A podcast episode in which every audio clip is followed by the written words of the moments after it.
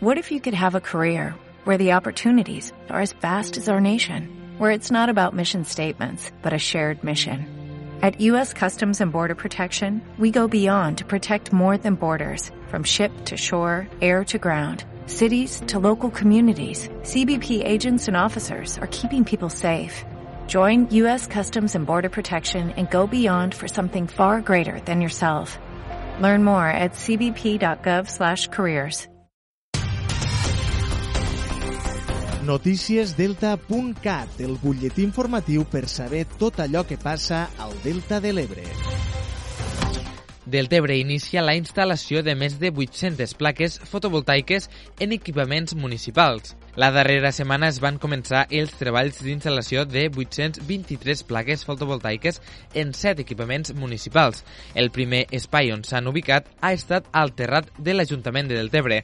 Aquesta proposta per les energies renovables, que es xifra amb una inversió de més de 330.000 euros, ha de permetre que durant els propers 12 anys de durada del contracte s'assoleixi un estalvi net de 181.000 euros. Més enllà de l'estalvi econòmic, aquesta actuació també s'emmarca les diferents accions que s'estan desenvolupant des de l'Ajuntament de Deltebre per neutralitzar l'emergència climàtica. Les plaques fotovoltaiques també s'instal·laran al Centre Esportiu del Delta, al Centre Cultural del Delta, als tres col·legis del municipi i també a l'espai puntual. Els treballs en aquests equipaments s'iniciaran la darrera setmana d'agost. Continuen les reformes al Col·legi Sant Àngel. Després d'haver arranjat les façanes, ara s'estan pintant les aules. Tot seguit, continuaran les millores al Col·legi dels Lligallos amb tota una sèrie d'accions a la façana exterior i a l'interior.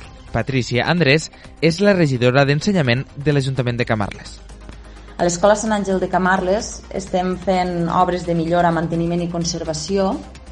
Estem preparant part de la fatxada on hi havia elements en mal estat i fissures Eh, també moltes de les finestres tenien la retallada del voladís del trencaaigües de pedra artificial, el qual estava molt malament i els estem canviant tots per trencaaigües de xapa d'alumini. I esperem que en unes setmanes ja les obres estiguen acabades. Eh, estes obres costen aproximadament uns 36.000 euros.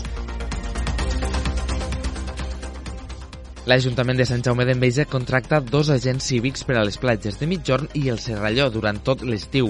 Després d'aprovar l'ordenança per regular els usos a les platges, millorar i senyalitzar els seus accessos i habilitar nous espais per l'estacionament de vehicles, l'Ajuntament de Sant Jaume d'Enveja ha contractat dos agents cívics per donar informació i regular les platges de Mitjorn i del Serralló.